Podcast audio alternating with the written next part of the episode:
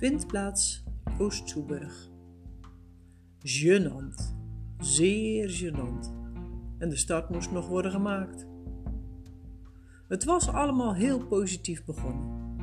De sollicitatie verliep goed en er zou nog een laatste gesprek volgen over de arbeidsvoorwaarden.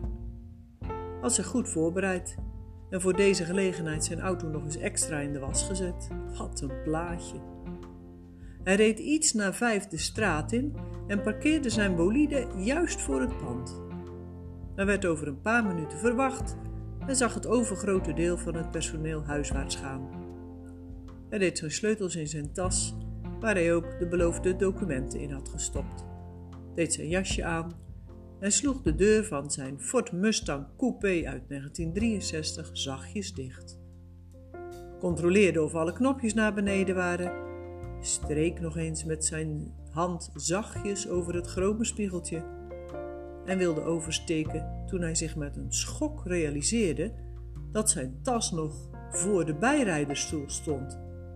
In een enkele seconde overzag hij tas, documenten, sleutels, telefoon. Het zweet brak hem uit. Zijn calculerend brein bedacht dat hij wellicht de achterbak niet had afgesloten. Goddank, raak. Hier lag een mogelijkheid. Hij klom met zijn spiksplinter nieuwe schoenen de kofferbak in en forceerde het tussenschot tussen de kofferbak en de achterbank. Nu was het zaak dat hij zich via de kleine opening naar de achterbank zou wurmen. Hij kroop tussen de bak en de bank naar voren. Het zweet gutste inmiddels over zijn rug. De moeite die het kostte onder de vaste hoedenplank te kruipen was hoorbaar.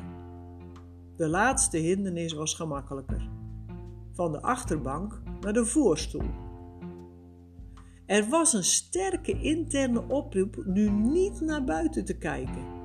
Maar zoals wel vaker voer hij weinig op zijn intuïtie en realiseerde zich, toen hij in de gezichten van het vertrekkend personeel keek, wat een belachelijk tafereel dit moest zijn. Een vreemde kennismaking met hem als nieuwe chef. Het verlamde hem volkomen. Hij keek pas op toen hij iemand aan zijn portier hoorde rommelen. Een dame was met iets bezig de deur te openen en warempel dat lukte. Hij lag daar, half over de voorstoel, met zijn benen nog op de achterbank en keek in haar iets wat verbaasde gezicht. Arbeidsvoorwaarden, toch? zei ze. Even moest hij bijkomen. Hij zei zoiets van: Ja, ik stond je al op te wachten gezien ons gesprek. Hij mompelde iets terug. Zij liep hem voor naar binnen met een stevige pas. Dan zullen we het maar eens hebben over een auto van de zaak, lijkt me. Even keek hij achterom naar zijn oldtimer en hoopte van harte dat die het niet gehoord zou hebben.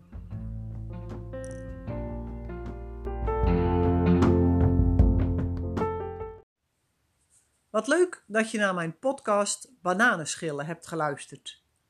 Ik ben Helene de Winter en als je wilt kun je deze podcast volgen en delen. Ik zet iedere week een nieuw verhaaltje online.